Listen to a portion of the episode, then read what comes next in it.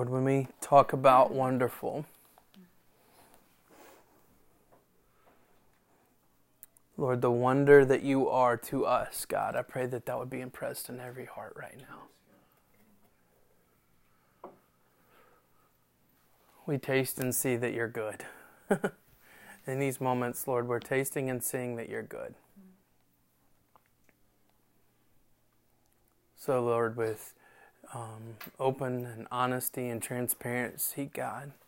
We sit together as people are wounded, people are messed up, people don't have it all together, God, and, and, and we say, You're wonderful. And Lord, we thank you for the sweet interactions with you. So, Jesus, Heavenly Father, Holy Spirit, continue to illuminate, continue to reveal the wonder of you. In Jesus' name, amen. Man, Sundays are good. Sundays are good. Hey, if you have your Bibles, you can turn to uh, Genesis chapter 8. I'm going to be all over the place this morning. Um, but as I kind of shared with you guys at the beginning of the year, doing the, uh, the reading uh, so, for those of you that don't know, we're doing a reading plan together. If you go and download the He Reads Truth app or She Reads Truth app, and you do the Bible through a year, that's the reading plan that we're doing right now. And um, it's been fun because uh, you start in Genesis, but then also there's this cool that they do New Testament as well. So you read a couple chapters in Genesis, and then read some of the New Testament as well. And um, so this past week it's been in Genesis, but then also in John. And there's this this cool parallel that just keeps showing up unintentionally, intentionally, whatever the Lord's doing in it, of things that are happening in the Old Testament as we're reading, and then we flip over to the New Testament and it's John. And so, like this morning, this morning was uh, lots of different things that we read, but ultimately, uh, Jacob interacting with the Father in an incredible way and having this cool vision of, of his, this ladder of angels going up and down, up and down. But uh, I shared with some guys, in the Ann and I talked about this last night. He, after he wakes up from this dream, he then stands up, anoints the rock, puts this pillar of stone together, and says, "This place will be called Bethel." And I'm like scratching my head because Abraham, his grandfather, was at the place of Bethel. Scripture says in Genesis 8, talks about Abraham being in Bethel. Or not Genesis 8, Genesis 12.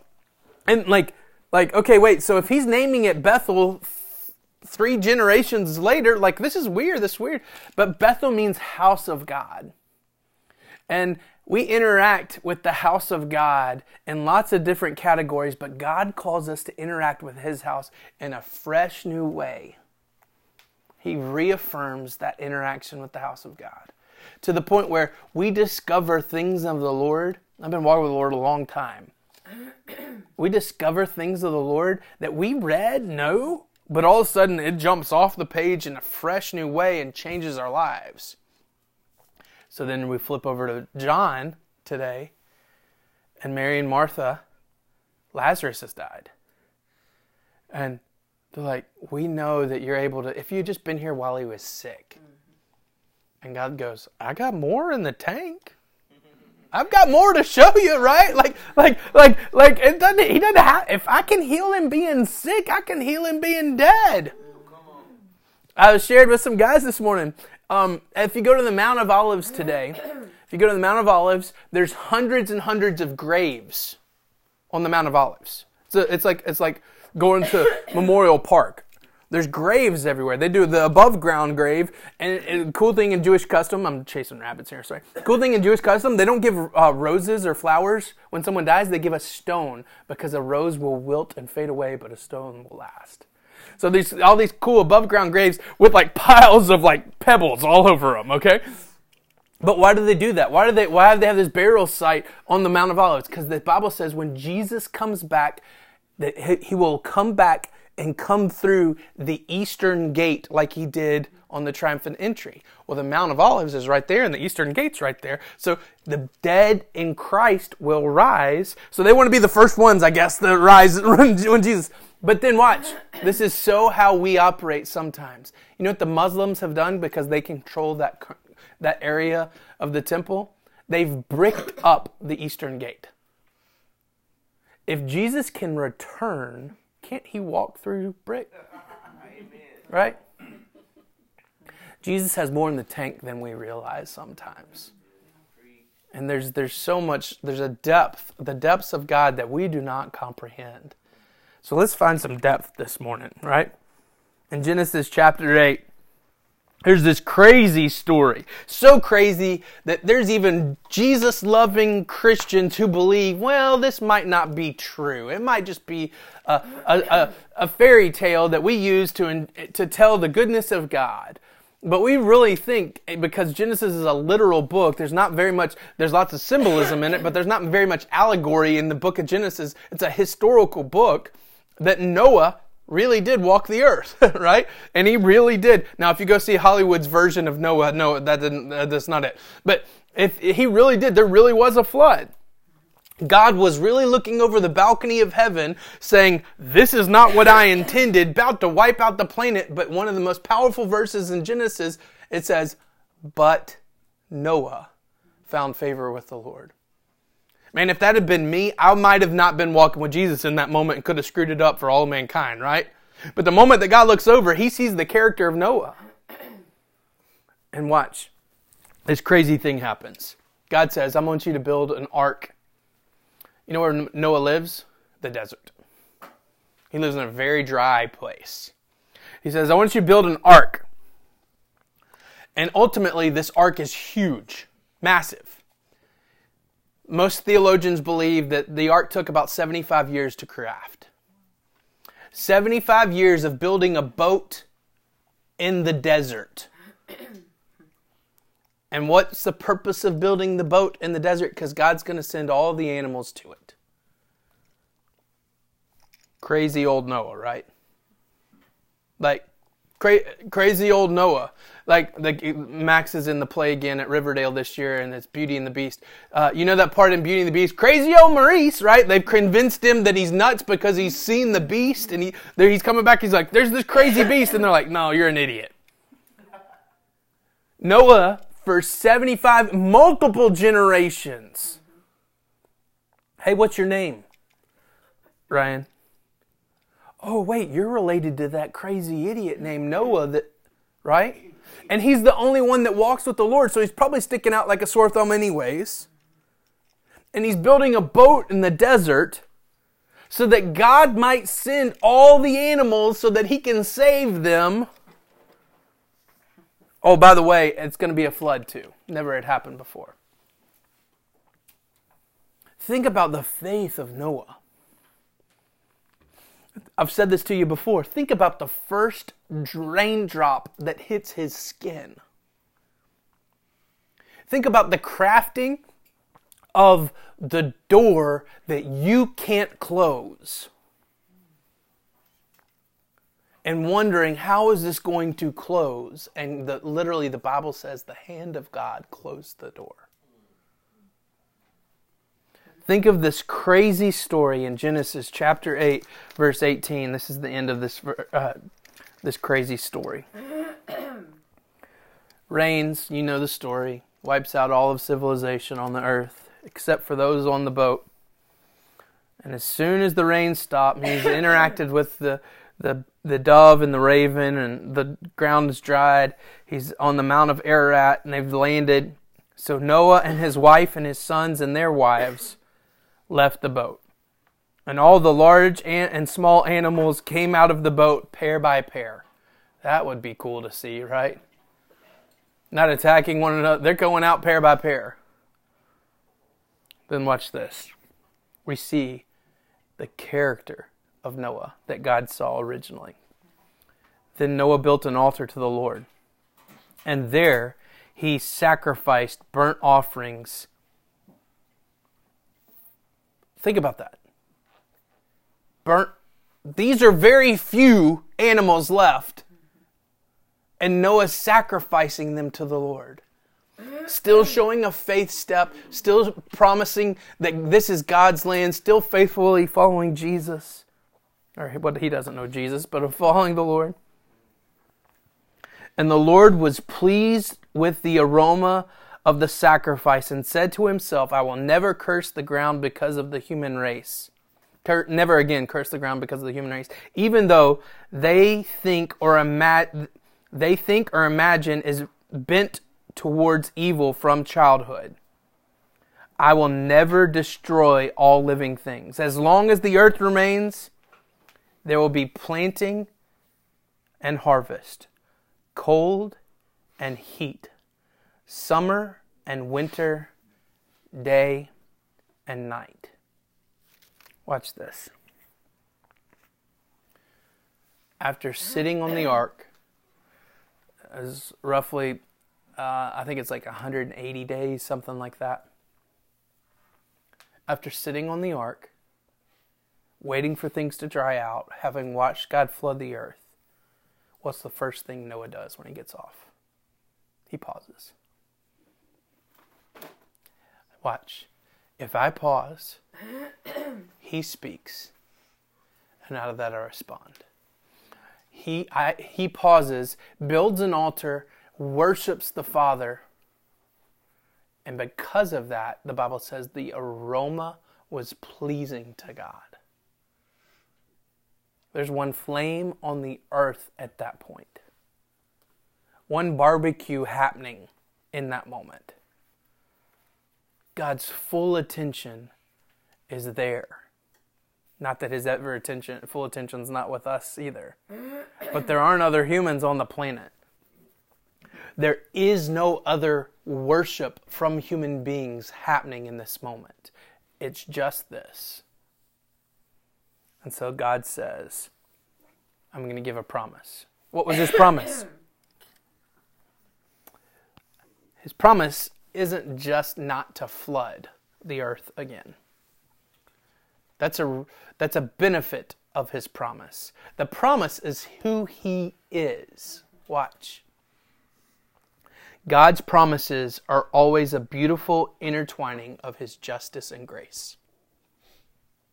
God's promises are always a beautiful intertwining of his justice and grace. Think about how Moses and his family perceived water post flood.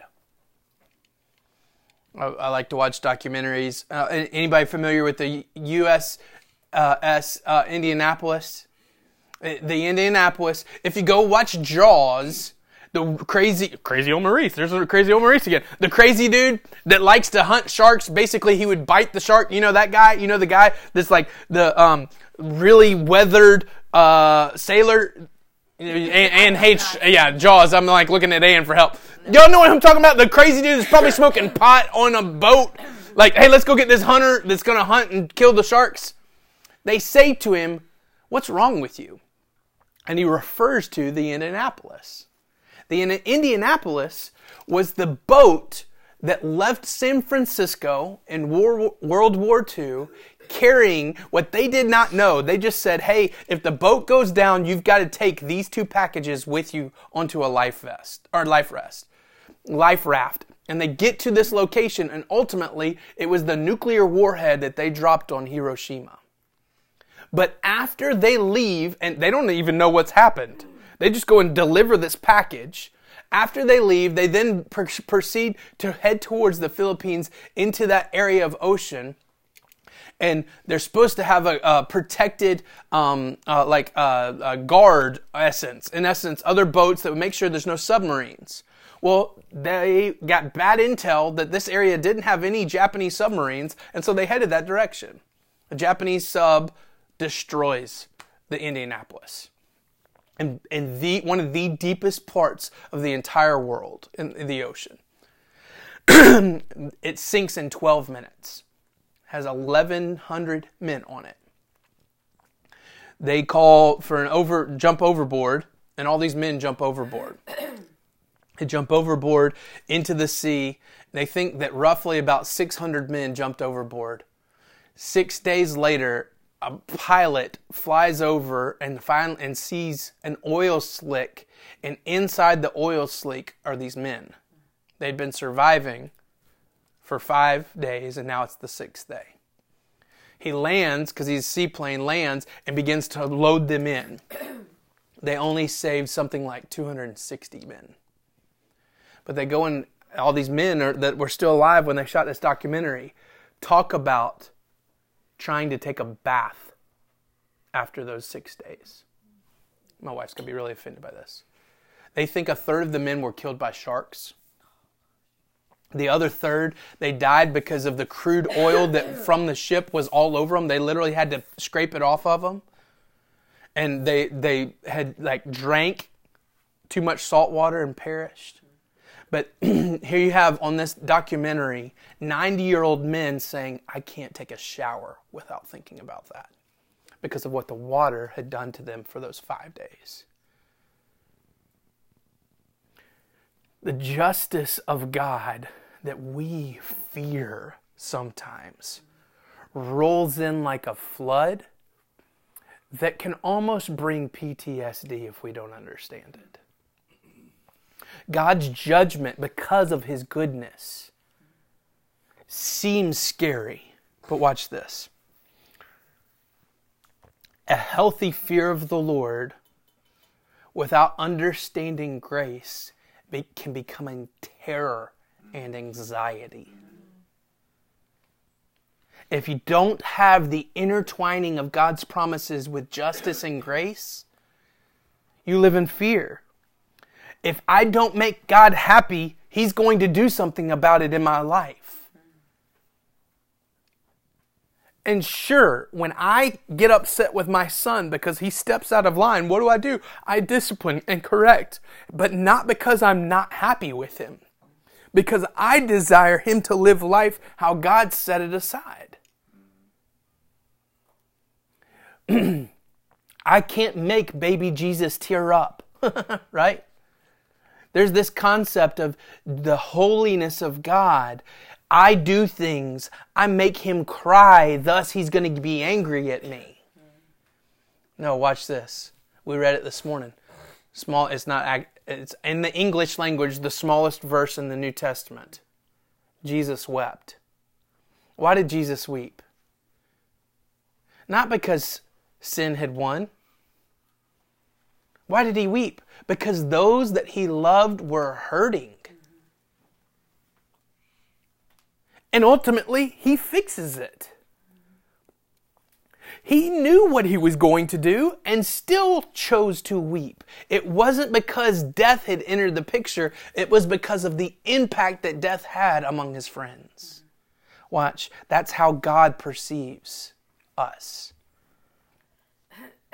Judgment and justice only work when they're wrapped in grace and mercy. God places a bow his bow is what he says in the sky. What we know of a rainbow. Well, a rainbow is water and light mixed together. The refraction of light inside of water, and we create a rainbow. We wouldn't want to do it this morning, but if we were to go out in the sprinkler and we were spraying, and I put my thumb down and we hit the light perfectly, I could almost, in essence, have a rainbow outside. Right? Why?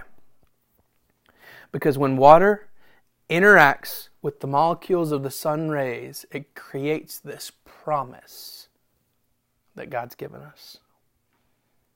Light has always been perceived as provision by God. Because we have light, we can do the things that we do. Without light, there's no energy and there's no illumination to be able to operate. But water does the same thing.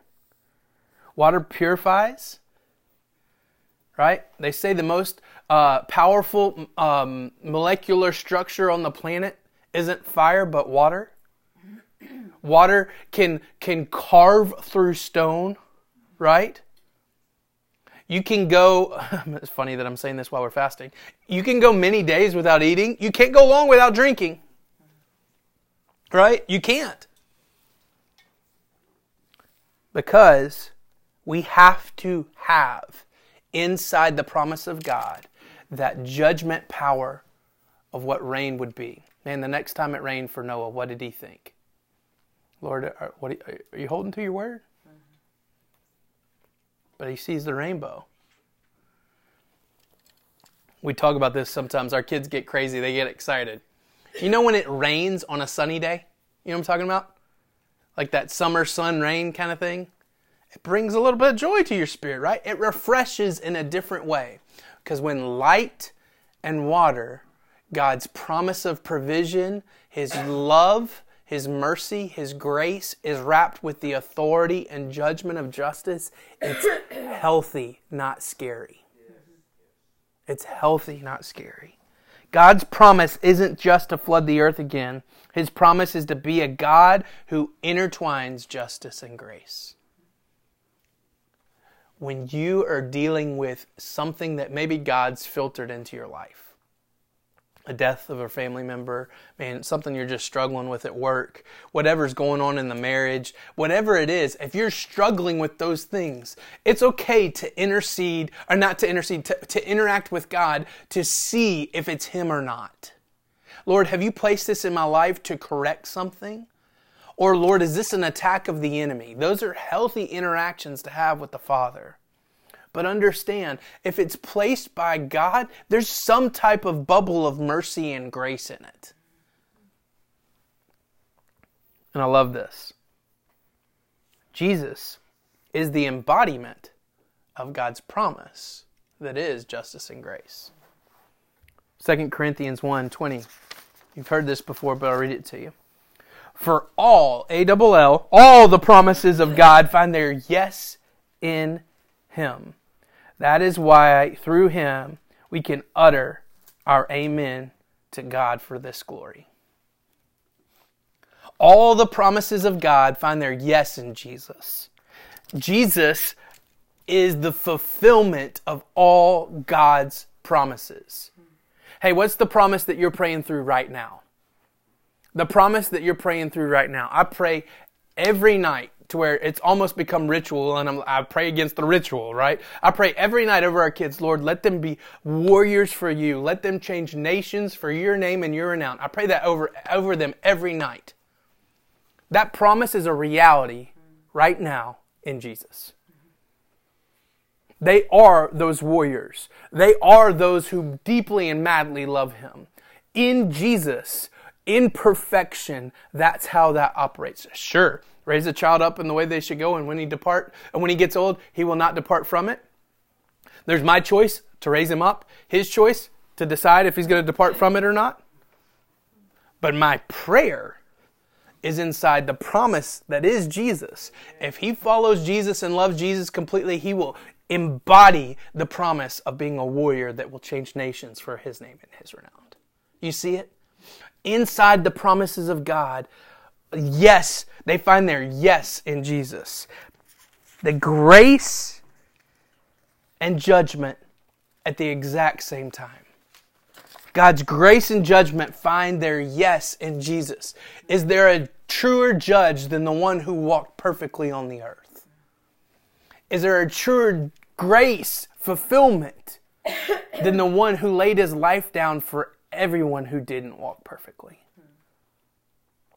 John 8 12 says this. Again, Jesus spoke to them, saying, I am the light of the world. Whoever follows me will not walk in darkness, but will have the light of life. See this? Jesus is the provision of life that gives us energy, grace, and mercy. But then watch this. In John 4, at the woman at the well. Then he said to her, Everyone who drinks of this water will be thirsty again, but whoever drinks of the water that I give them will never be thirsty again. The water that I give him will be a spring of water welling up to eternal life. The woman said to him, Sir, give me this water so that I may not be thirsty again or have to come here and draw water. Jesus said to her, Go and call your husband. And the woman answered, said, I have no husband. Jesus said, Your, your saying is right for you have no husband, for you have had five husbands, and the one you're with now is not your husband. What you have said is true. The woman said, Sir, I perceive that you are a prophet.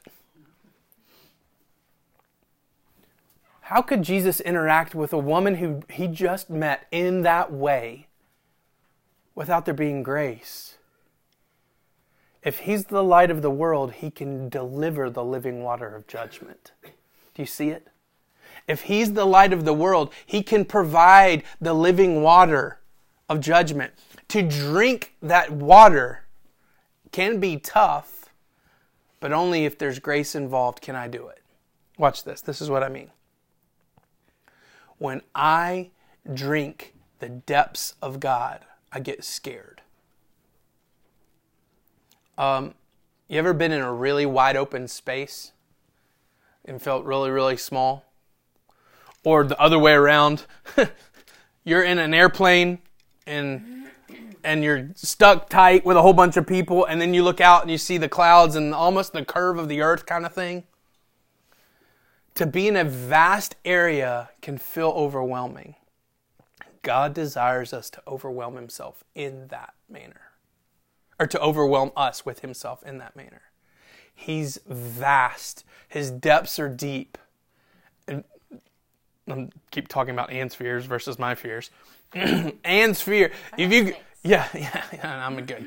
Um, if you were to go put Anne on a raft where there's nothing but sea around, she would look for a way to kill herself, right? Like, like, like that concept. That concept would be like, ah, this isn't happening, right? Because because of that, there's a fear inside all of us to be overwhelmed with something. I'll never forget this. Y'all might judge my parenting skills here. Um, for those of you that are raising boys, you know that they get to a certain age and it's like testosterone's taking over a little bit, like a little bit. Well, Max, um, this was probably a year ago. Max was interacting with Ella, our middle child, and um, they he she they were fighting over something. I don't remember what it was. He wanted something, she she had it or something like that. He took it from her, and she's sitting down, and then he bowed up over her like that. And I just saw bully everything. And I said, Don't do that to your sister. And I could tell didn't register. And I said, Come here. And he stood right here. And I went like that to him. I've never hit him before. And I, his instantly his eyes welled up. I said, Buddy, I would never hit you. But watch, when I overwhelm you with who I am, you're doing the same thing to your sister. And he went, Oh, it just broke him, right? It just broke him, right? actually, I think I even called Ann in because I was afraid that he would think that I was really bad. I said, hey, come here for a second. I was worried that he was thinking I was going to hit him. Um, God's not a bully, but His grace and His mercy overwhelm us to the point where we're afraid. It's a river that I don't have any control over. You see, when I think I have control over something, I can manage it. And inside of managing it, I know what the depth is. But I have no clue the depth of the Lord. And in that, in that, I have to float. I have to trust. I have to trust that His promise, there's grace and there's judgment. When God's judgment feels heavy on me, I have to trust that there's grace somewhere close. Jesus is the light of the world. He embodies the promise of God. He gives us this living water that purifies, that judges us to the point where we're going, How do you know all this about us? Like the woman at the well. You know what she does? She leaves in a moment. She's the first one to say he's Messiah. Because the light of the world illuminated things in her with that judgment but she perceives the grace to where she goes and gets the whole city. The disciples come back, What are you doing? And as he's talking to the disciples, he says, Look, the fields are white with harvest as the whole town's coming out because she went and told them, Hey, this, is, this man's got to be the Messiah. Think about that. The authority inside of Jesus to be able to deliver grace and judgment at the exact same moment. It's wrapped up in Noah, too, where God perceives inside the promise, inside the rainbow, is light and water. But watch this Jesus has equipped us with the promises of God. In Matthew 5, verse 14 through 16, it says this Jesus talking to us You are the light of the world. Wait, I thought he was the light of the world. Yes, but when I interact with Him, He gives me His authority. He's even said the things that I, He's done on the planet, I, He's going to give me the Holy Spirit who will do greater things. Watch. You are the light of the world. A city set on a hill cannot be hidden. Nor do people light a lamp and put it under a basket, but on a stand. And, get, and it gives light to the entire house. In the same way, let your light shine before others so that they may see your good works and give glory to the Father who is in heaven. What are they giving glory to the Father in heaven for? Because of the good works inside of you. What are the good works? The good works are intertwined, watch, with judgment. We should do justly. Walk humbly with your Father, with the Lord. But, but then who are, we, who are we doing it to? To those who are less fortunate or fortunate or whatever, whoever it is we do it with grace. You see, when we do the good works of the Father, when we do the good works of Jesus, it's intertwined. It's this promise again. There's light and there's water, there's judgment and there's grace. Watch. In me, because of the authority that Jesus has given me, in me is God's provision for you. In me is the thing that God might use to illuminate you in me is the energy of God for you. And I'm not just saying that. In Philip for me is God's provision for me. In Philip for me is how uh, things illuminate. In Philip for me is the energy of God. I, each one of these, man, his gifts that he's been given are, are to benefit my walk with the Father. That's provision. his knowledge and wisdom that God's given can illuminate things that I've been deceived for so that he can help me and say, don't step on that. I've already stepped on it before. And inside of him is the energy of God that motivates me to loving good deeds. Hebrews 10. Let us con- consider ways to stir one another up. That's what light does. What does light do? It's provision, it illuminates, and it provides energy. Watch this in John 7. I could have taught this whole thing, so I'll try to keep it brief.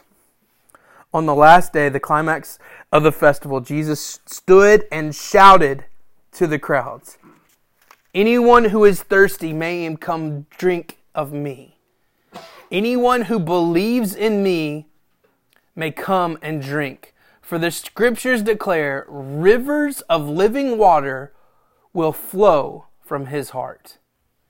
When he said rivers of living water, he was speaking of the Spirit, which hadn't been given to everyone believing, which would be given to everyone believing in him. But the Spirit had not been given yet because Jesus had not entered into glory yet. Watch this. Jesus says in Matthew 5, You're the light of the world. But then in John 7, he stands up in front of everybody and says, If anyone thirsts, let him come drink of me, because out of him. He doesn't say, because out of me will flow rivers of living water. Because if you come and drink of Jesus, then out of you will flow rivers of living water. Those that drink receive this flowing of God's judgment and grace. In us, the Holy Spirit purifies and cleans. And out of that flows Jesus. Do you see it? The pool of Siloam. There's another passage where the man is by the he's been crippled for like 38 years and we, he wants to be in this pool he's waiting for them to be stirred as what, what the custom was and the waters weren't he would never able to get in and jesus heals him okay well, out of this pool is where this water was drawn that the high priest would be pouring, right as Jesus said, Is anyone thirsty? Let him come drink. The pool of Siloam means the sent out waters. Check this, I'm about to blow your mind. If you go and read Genesis 1, it talks about the Garden of Eden. It talks about four rivers. One of the rivers is uh, Geha. I can't say uh, I never pronounce it right It starts with a G. It means flowing out of. And there's this concept that the pool of Siloam, because of some things that um, Hezekiah did, he built these tunnels underneath Israel, uh, the the old city, so that they could have this water coming up. And a Jewish custom believed that these waters came out of Eden so that they could provide refreshing life to us, but they were also called sent out waters. It would be bad custom to drink of it and not provide it to someone else. So, in essence, this festival that Jesus was attending and would walk up to and stand in front of everybody and say, Is anyone thirsty? He's, the high priest is standing somewhere on the Temple Mount saying, Blessed is he who comes in the name of the Lord, pouring out these waters at the exact same moment in a sign that we can all have these waters. This water is for all of us. And Jesus is standing up saying, It's for everyone. And if you drink of it, out of him will flow rivers of living water. I say that to say this. Inside of each of you is the light of the world that Jesus has promised and rivers of living water. What else do I need? What else does the world need? They need to see the grace and love of Jesus inside justice. Man, my goodness, use that word justice right now in our culture. Social justice is a big thing, but a Jesus justice is probably bigger not throwing down on anything we should be doing with social justice, but speaking to it in a greater realm, Jesus justice. And I'm not talking about come down with authority. That's not what he's doing. He didn't do that. She had five husbands, and she's not staying with she's staying with the one that's not her husband, right? He's he still provides grace. Even at the beginning with Noah God intertwines his promises with grace and justice. So, right now, which season are you in? Are you in a season of justice and judgment? Where God's trying to purge some things or encourage some things or redirect some things? Are you in a season of grace? Either way, it's meant for someone else, not you. You walking through that season is meant for someone else. It's meant for you to tell me. Because I'm going to walk in a season. I'm going to need to hear what God's done in this season. I'm going to need to hear the goodness that God's done. I'm going to need to hear the grace that God's pro- provided, the judgment that God's provided. I need to hear how good He has been.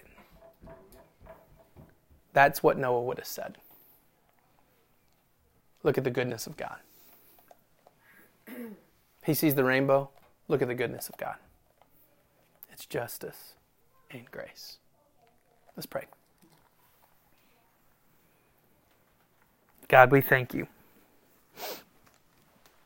for judgment. And Lord, because of your grace, because of your Son, because of the Holy Spirit, we don't, we don't fear the judgment. We ask that you would continue to have this relationship with us where we're encouraged by you purging things out of our lives, God. Encouraging us to walk faithfully, Lord.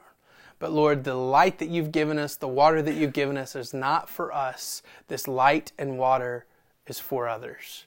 So you are the light of the world, Father. Jesus, you are the light of the world. Holy Spirit, you are the one that illuminates us. But that gift to us that you have given us, Lord, let us be light for one another. Let us illuminate one another. Let us not illuminate one another with our talents, our gifts, and our uh, just our our own personalities, Lord. But let us look deeply into who you are, God, and let that illuminate one another. Jesus, we thank you for this family. We thank you for what you're doing. Lord, I pray even for Wednesday night, for those that'll go down to Nutbush, Lord, that, that, that your light and your water would refresh and illuminate. Mm-hmm. Jesus, we love you. In Jesus' name, amen. Okay. Um, hey, we uh, the if you need to do your tithes and stuff, Anne's got the envelope up here. Um,